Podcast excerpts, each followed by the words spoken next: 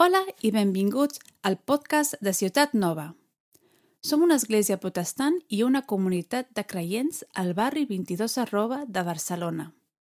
Els primers sis mesos del 2021 estudiem el sermó més famós de Jesús, que es troba als capítols 5, 6 i 7 de l'Evangeli de Mateu.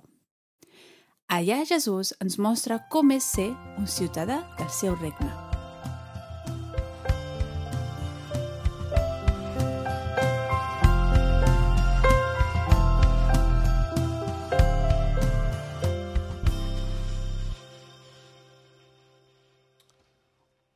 Vosaltres, doncs, heu de pregar així. Para nostre que ets en els cels, sigui santificat el teu nom.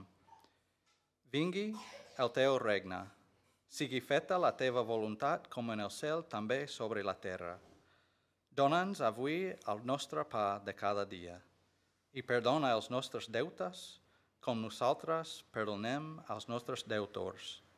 I no ens duguis en la temptació, ans deslliura'ns del maligne, perquè teu és el regne i el poder i la glòria pels segles. Amén. Perquè si perdoneu als homes les seves ofenses, també us perdonarà a vosaltres el vostre Pare Celestial. Però si no perdoneu als homes les seves ofenses, el vostre Pare tampoc no us perdonarà les vostres ofenses. Bueno, la Biblia es llena de, oraciones. Eh, supongo que sabéis que los salmos, la mayoría son oraciones que podemos usar como modelos. También en la Biblia escuchamos oraciones de, profetas, de reyes, de sacerdotes, de apóstoles, eh, e incluso oraciones de Cristo, de Jesucristo. Y la mayoría son ejemplos para nosotros. A, podemos aprender cómo acercarnos a Dios y expresarnos antes de Él, especialmente en los salmos. Es un tesoro de, de oraciones para expresar nuestros corazones. Pero también sabemos que Jesús también enseñó a sus discípulos cómo orar. De hecho, en Lucas, cuando eh, sus discípulos le preguntan, enséñanos a orar, y les da el, el Padre Nuestro como un modelo de orar. Eh, no creo que es la única forma de orar, pero sí es, la enseñanza de Cristo, es algo muy específico para nosotros. Entonces, puede ser de mucho beneficio para nosotros en, nuestras oraciones privadas en casa, pero también en nuestras oraciones en, comunidad. Um, de hecho, vamos a ver que es una oración para la comunidad. Um, de hecho, si miramos a los catecismos, los, las gran, eh, los gran catecismos de la iglesia, casi todos incluyen enseñanzas sobre el Padre Nuestro. Eh, también los teólogos, muchos eh, hablan de, de, de, del Padre Nuestro, ¿no? Como ejemplo. pero tengo que confesaros, me siento bastante débil con el tema de oración. Eh, siempre tengo un sentido de necesito orar más, necesito ser más sincero, necesito ser más profundo, eh, necesito saber, saber, más de Dios. Eh, y, y, y, no creo que soy el único. De hecho, en mi trabajo eh, superviso a otros misioneros y cada año hacemos una evaluación ¿no? de, de, su trabajo, pero incluimos en, en, la evaluación algo de su vida espiritual, cómo están. En el tema de oración, desde un, un, un 1 a 5, casi todos ponen 2, casi todos. Eh, vemos que es un tema que no, siempre podemos crecer más, ¿no? Eh, y, y de hecho siempre estoy mirando, buscando herramientas para ayudarme de hecho, ahora, este año, estoy usando algunas aplicaciones para guiarme en, orar, ¿no? Para ayudarme. Um, pero hace un, unos años uh, descubrí uh, el Padre Nuestro como guía. Eh, estaba usando el Padre Nuestro, no recitándola, sino más usándolo, usándola como una guía, ¿no? Para, para orientar mis pensamientos y, las cosas de que iba a orar. Y descubrí dos cosas. Eh, había muchas cosas que estaba pidiendo, or- orando sobre que no, solía orar antes. Y había muchas cosas que también estaba dejando de orar. Entonces vi que el Padre Nuestro me estaba orientando eh, a, Dios más y los temas de Dios en vez de solo los temas, tem- temas míos, ¿no? las preocupaciones míos. Y, y no digo que Dios no quiere escuchar lo que está en nuestros corazones, porque sí quiere escucharlo. Eh, pero Dios es el tema de la oración. Estamos hablando con Él, eh, de tratar las cosas eh, de Él. Eh, eh, como estaba diciendo, eh, el Padre nuestro cambia nuestra mirada eh, o nuestro enfoque. No sé si alguna vez habéis sacado una foto de una persona, pero en la foto la persona sale borrosa y el fondo sale enfocada, ¿no? O en- enfo- enfocado, ¿no? Y claro. ¿no? No, no era la intención, pero muchas veces nuestras oraciones son así. ¿eh? Estamos orando a Dios, pero Él es borroso. Y lo que está alrededor de Él es, es muy claro para nosotros. Y estamos siempre hablando de estas cosas sin realmente pensar en, en quién estamos orando. Y, y esta oración puede reorientarnos, puede ayudarnos. Em, una de mis preocupaciones a, a hablar sobre esta oración es que, que después de hablar sobre todo lo que hay en esta oración, que pensamos, oh, es demasiado complicado. Lo importante es que nos acercamos a Dios y que podemos ser seguros si acercamos a Dios en el nombre de Cristo, confiando en Él, Él nos va a escuchar. ¿Vale? Eh, quiero animaros a orar y no, no cargaros con, con todos los detalles, incluso en este, este mensaje. Busca una cosa, que Dios hable a tu corazón. No, no intenta tomar todo y, y decir, voy a poner todo en práctica y cambiar todo. y- Puede agobiarte a intentar hacer esto, ¿no? Lo importante es que habla- hablemos con nuestro Padre en, el cielo, ¿vale? Quiero animaros con esto. Em, entonces vamos a entrar, vamos a ir línea por línea y espero que Dios lo use, ¿vale? ¿Vale? Eh, empezamos, Padre nuestro que estás en los cielos, eh, es, la base de oración. Dios mismo nos está enseñándonos cómo orar y la pr- primera cosa es, tú puedes hablar con el creador del mundo y llamarle Padre. Es impresionante. Quizás te has preguntado, pero ¿por qué decimos Padre que estás en los cielos? ¿Qué significa eso? Yo creo que Jesús quiere que, que captamos la realidad de quién es Dios, Dios en- en esta frase. Padre, que es un, un nombre cercano, cariñoso, em, alguien con quien podemos confiar fácilmente y que, que estás en los cielos. Dios, creador, infinito en poder, en sabiduría, su trascendencia. ¿No? No es nuestro amiguito. ¿Entendéis lo que estoy diciendo? Pero sí es nuestro Padre.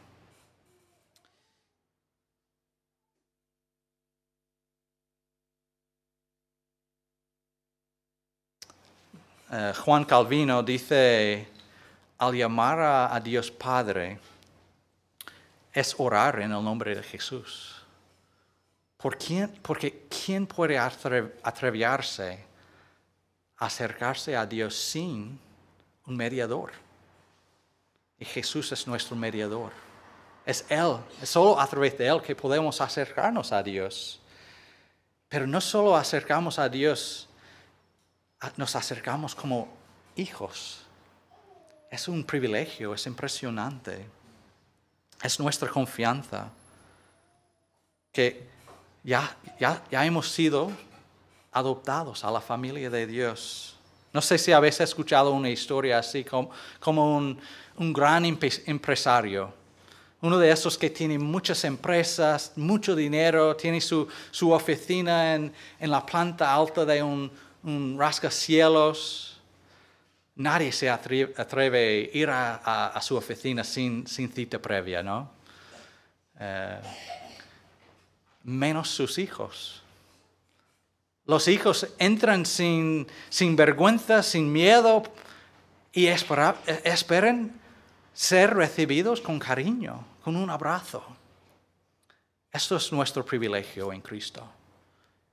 Y es Cristo mismo quien nos dice, podemos acercarnos a Dios de esta forma y llamarle Padre.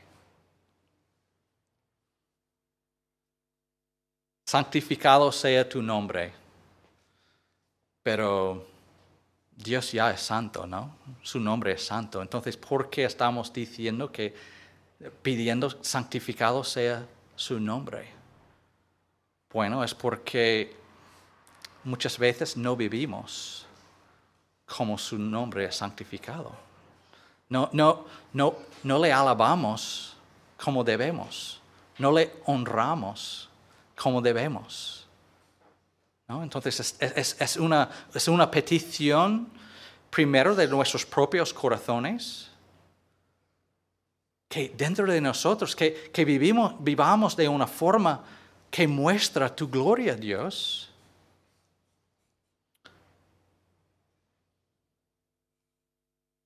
Pero no solo nosotros, todo el mundo debe vivir de esta forma. Entonces también es, es una oración de, de misiones, de evangelismo, de plantar iglesias. El pastor norteamericano John Piper dice que misiones existe porque alabanza no existe. Hay una falta de alabanza en este mundo. Dios merece toda alabanza, todo el honor, toda la gloria. Entonces, en este, este, esta petición, santificado sea tu nombre, estamos pidiendo, Dios, muévanos para que anunciemos tus virtudes, tu, gloria a este mundo. Levanta personas para que vayan al fin del mundo para anunciar tu bondad, tu grandeza, tu infinitud.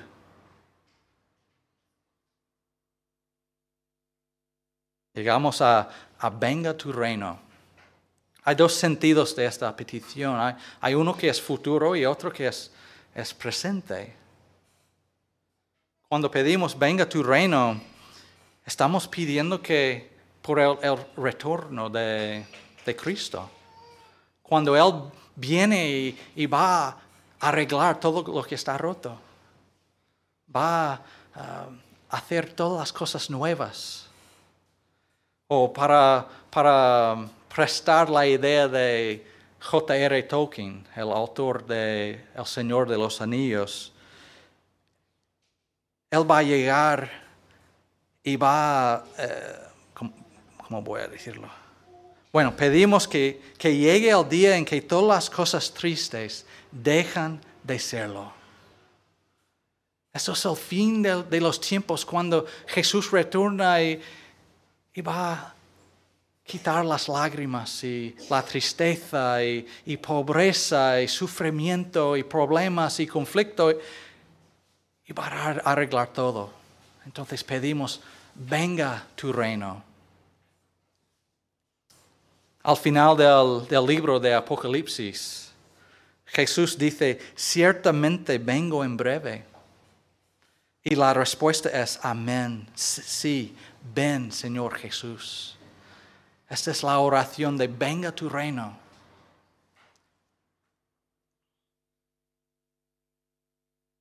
Pero también podemos orar, venga tu reino en un sentido más presente. Y es el, cuando oramos, hágase tu voluntad como en el cielo, así también en la tierra. No solo esperamos hasta este día para que Dios arregle todas las cosas, también estamos parte de, traer su reino ahora mismo. Cuando luchamos contra la pobreza y, ayudamos a las personas sin techo y, buscamos paz cuando, donde hay, haya conflicto. Que sea su voluntad ahora. Pero no solo en un sentido de la comunidad, de la ciudad, del, del país, también orar esta oración es una oración de profunda confianza en Dios. Porque para orar esta oración estamos diciendo, yo no sé cómo debemos vivir, no, sé qué es el, próximo paso, no sé cómo hacer las cosas, no tengo la sabiduría, pero confío en tú y tu voluntad. Pero quizás podemos preguntar, pero ¿realmente Dios es digno de este tipo de confianza, de entregarle todo? ¿Y buscar realmente su voluntad y no la nuestra? ¿Dios es digno de este tipo de confianza? Y claro, la respuesta es claro que sí. De hecho, Jesús mismo oró esta oración en el jardín de Gethsemane, ¿no? la noche antes de ser crucificado, él sabía lo que iba a pasar, sabía que sus amigos iban a abandonarle, sabía que iba a ser golpeado, crucificado en la cruz. Y el peor, de todo, sabía que iba a ser abandonado por Dios el Padre y a estar completamente solo con el, peso del, pecado, de, nuestros pecados. Es un peso demasiado grande. Pensando en todo eso, él dijo, no sea mi voluntad, sino la tuya. Y a través de esa oración y la obra que él hizo, nosotros encontramos salvación. Nuestra esperanza está en la voluntad de Dios.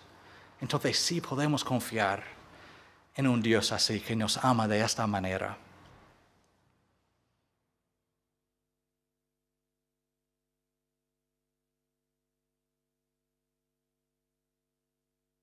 Tim Keller, el pastor muy conocido en Nueva York, dice, si no podemos decir, hágase tu voluntad desde el fondo de nuestro, corazón, nunca conoceremos la paz.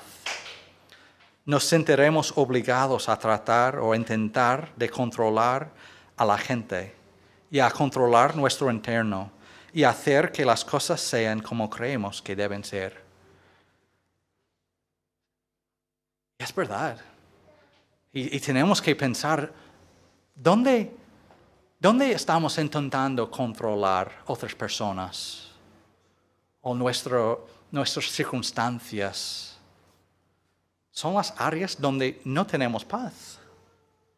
Porque no podemos confiar en Dios y, toda la carga tenemos que llevar sobre nosotros y, y es demasiado. No somos suficientes para estas cosas. Pero Dios sí. Y Jesús, Jesús nos enseña, entrega, entrega todo a Él, confiar en Él. Pide que sea tu voluntad y no la tuya.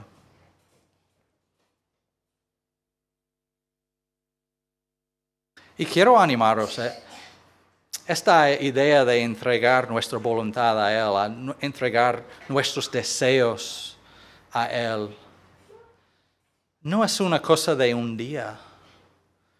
Es, un- es una cosa de, de cada día o incluso cada hora. Eh, cuando entramos en esta oración luchando con Dios, sí quiero entregarlo a ti y en el momento encontramos paz. Muchas veces, veces a la hora o por la tarde eh, ha vuelto la carga, ¿no? Y esa oración no es solo una oración de un día, es, una oración de todos los días. Incluso Martín Lutero animó a las personas a orarlo dos veces al día.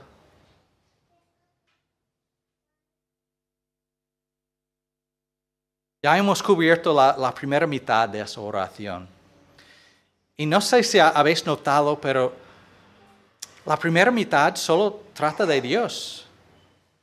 Dios como Padre, que Dios sea alabado, que su reino venga, que sea su voluntad. Eso es donde fue un, un cambio radical en, en mi vida personal, ¿no? Que- Porque no solía orar sobre Dios, no buscaba su reino, buscaba las cosas mías. Pero la, la verdad es que es bueno para nosotros pensar en las cosas de Dios, pensar en quién es y, y su voluntad y su reino, su reina.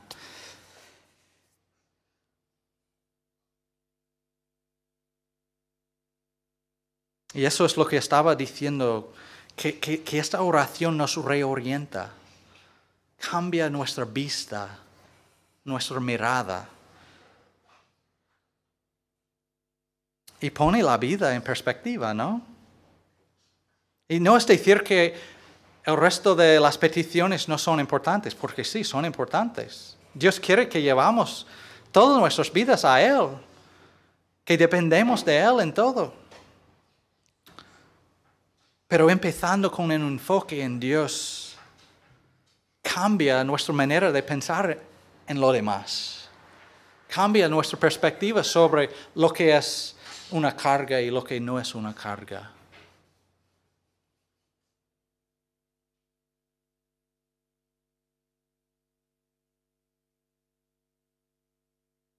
Empezar nuestra oración así nos recuerda que no- realmente no, no estamos solos. Dios es real, es poderoso y está obrando en es- este mundo. Tiene un plan.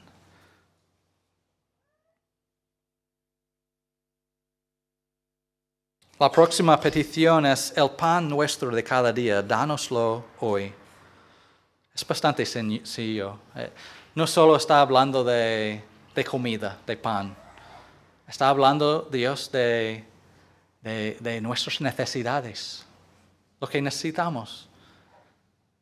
Es bueno saber que Dios, su deseo es que llevamos nuestras necesidades a Él, como un buen padre.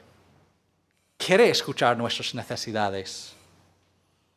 Pero todos los comentarios que he leído sobre este, este texto hablan de, este, es- este- esta petición es sobre necesidades y no lujos. Yo creo que es natural, pero es bueno eh, decirlo, ¿no? Y como hemos leído la semana pasada, eh, Dios nuestro Padre sabe nuestras necesidades antes de decirlo. Pero es bueno decírselo, es bueno. Y como he dicho antes, e- esta es una oración de la comunidad.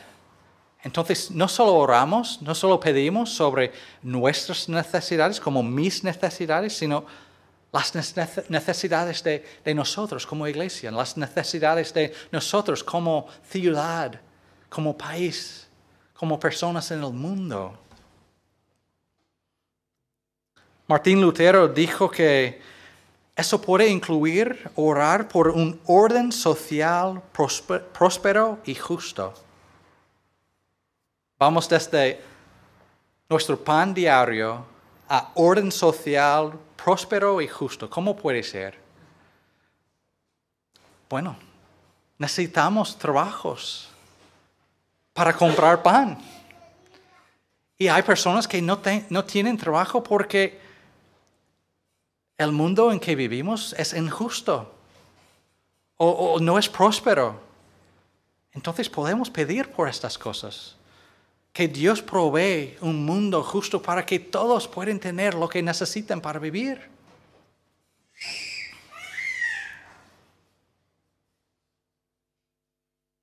Llegamos a la penúltima petición. Y perdónanos nuestras deudas, como también nosotros perdonamos a nuestros deudores. De todas las peticiones en esta oración, esta es la petición que me da más miedo. Porque lo que estamos diciendo es, Dios, quiero que me perdones de la misma forma que yo perdono a otras personas. ¿Hay alguien aquí que está dispuesto a decir esto? ¿Tienes tanta confianza en tu manera de perdonar a los demás? No podemos entrar y decir esto sin pensar realmente en, los conflictos que tenemos con otras personas, la, amargura que tenemos con otras personas.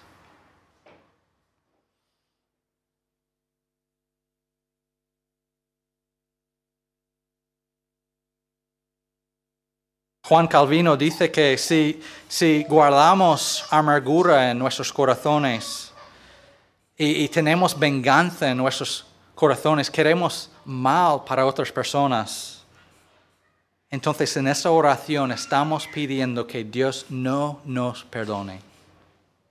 Qué fuerte, ¿no? Justo después de esta oración, en las dos últimos versículos del texto que hemos leído esta mañana, Jesús enséñanos más sobre este tema de perdón. Como quería destacar el tema del perdón, como es un tema muy importante. Entonces en versículos 14 y 15 leemos, porque si perdonáis a los hombres sus ofensas, os perdonará, perdonará también a vosotros vuestro Padre Celestial. Mas si no perdonáis a los hombres sus ofensas, tampoco vuestro Padre os perdonará vuestras ofensas. otra enseñanza muy fuerte, ¿no? Porque suena como Dios está diciendo, si no perdono, Él no me va a perdonar. Como yo puedo ganar su perdón, por mí perdono a otras personas. Bueno, no puede ser porque la Biblia no nos enseña esto. La, idea de, la Biblia es, eh, el perdón es un, es un, regalo, es un don gratuito de Dios. En, Efesios 2, 8 a 9 leemos, porque por gracia sois salvos, por medio de la fe, y esto no de vosotros, pues es don de Dios no por obras, para que nadie se glorie.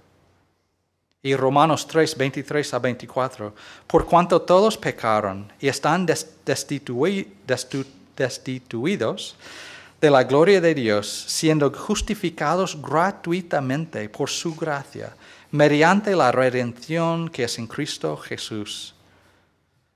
Eh, es por gracia nuestra salvación. Nuestra salvación incluye perdón es por gracia, es un don, es gratuito. No podemos ganar nuestra salvación, no podemos ganar nuestro um, perdón. Entonces, si eso es verdad, entonces, ¿qué es que Jesús nos está enseñando en estos versículos? Bueno, es lo que nos enseña en muchos otros sitios. Es, él quiere que tratamos a otros de la misma forma que Él nos trata con nosotros. Y está diciendo que si no perdonamos a otros, significa que o no estamos perdonados o realmente no comprendemos el perdón que nos has dado. ¿Entendéis lo que estoy diciendo? Si, si no estamos dispuestos a perdonar a otras personas, significa que o no estamos perdonados, no, no pertenecemos a Cristo, o que realmente no comprendemos la realidad del perdón, de la salvación que Él nos da en Cristo.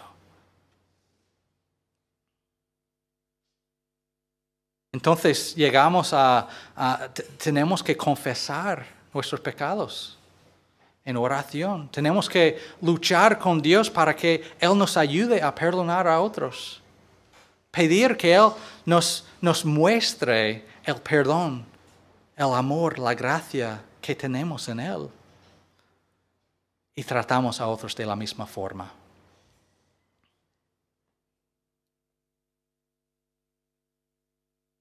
Llegamos a la última petición.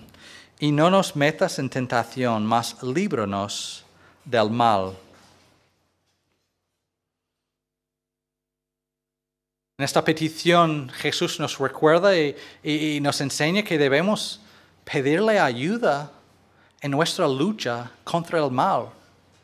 El mal dentro de nosotros y el mal fuera de nosotros. No nos está diciendo que eh, no estamos pidiendo que Dios no nos tenta, porque sabemos desde Santiago que Dios no tenta a nadie. Pero sí, estamos pidiendo que, que, Dios nos ayude en medio de la tentación, que nos, nos fortaleza en medio de la tentación, que seamos fieles en medio de la tentación. Pedimos su ayuda. Pero también estamos pidiendo eh, que nos, nos libra del mal, de nuestros enemigos y desde el, el malvado, Satanás, en nuestra lucha en esta, en esta, en esta vida. Y terminamos la oración diciendo, porque tuyo es el reino y el poder y la gloria por todos los siglos. Amén. Empezamos la oración enfocando en Dios y terminamos la oración enfocando en Dios, recordando que Él es el único que puede contestar nuestras oraciones. Es el único con la sabiduría de, saber lo que es bueno para nosotros. Le hemos alabado, hemos entregado nuestras vidas a Él, hemos buscado su reino, hemos entregado nuestras necesidades a Él, hemos buscado perdón en Él, hemos pedido que Él eh, nos protege del mal. Y ahora recordamos que solo en Él podemos descansar. Solo Él tiene el reino, el poder y la gloria. Y nuestra esperanza está en Él, nuestro Padre Todopoderoso, quien nos ama. Quiero deciros que esta oración no es una oración mágica. Si, recitas esta oración diez veces, no es que Dios va a contestarte, no funciona de esta forma, es una guía. Dios está orientándonos, guiándonos, recordándonos quién es en esta oración.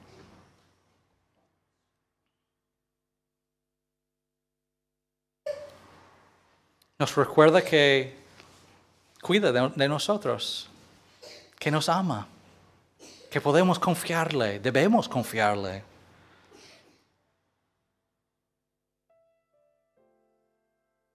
Al final nos reorienta nuestros corazones y nuestras mentes en Él donde encontramos esperanza y paz en un mundo con muchos problemas.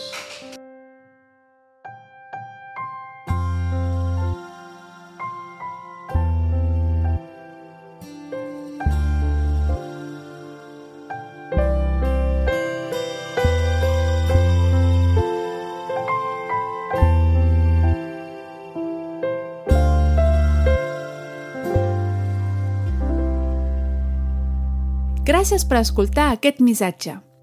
Si tens preguntes respecte al seu contingut o vols tenir una conversa sobre l'Evangeli, no dubtis en contactar-nos. El nostre correu electrònic és info arroba cn22.org. També ens pots seguir en viu cada diumenge al nostre canal youtube.com barra Ciutat Nova.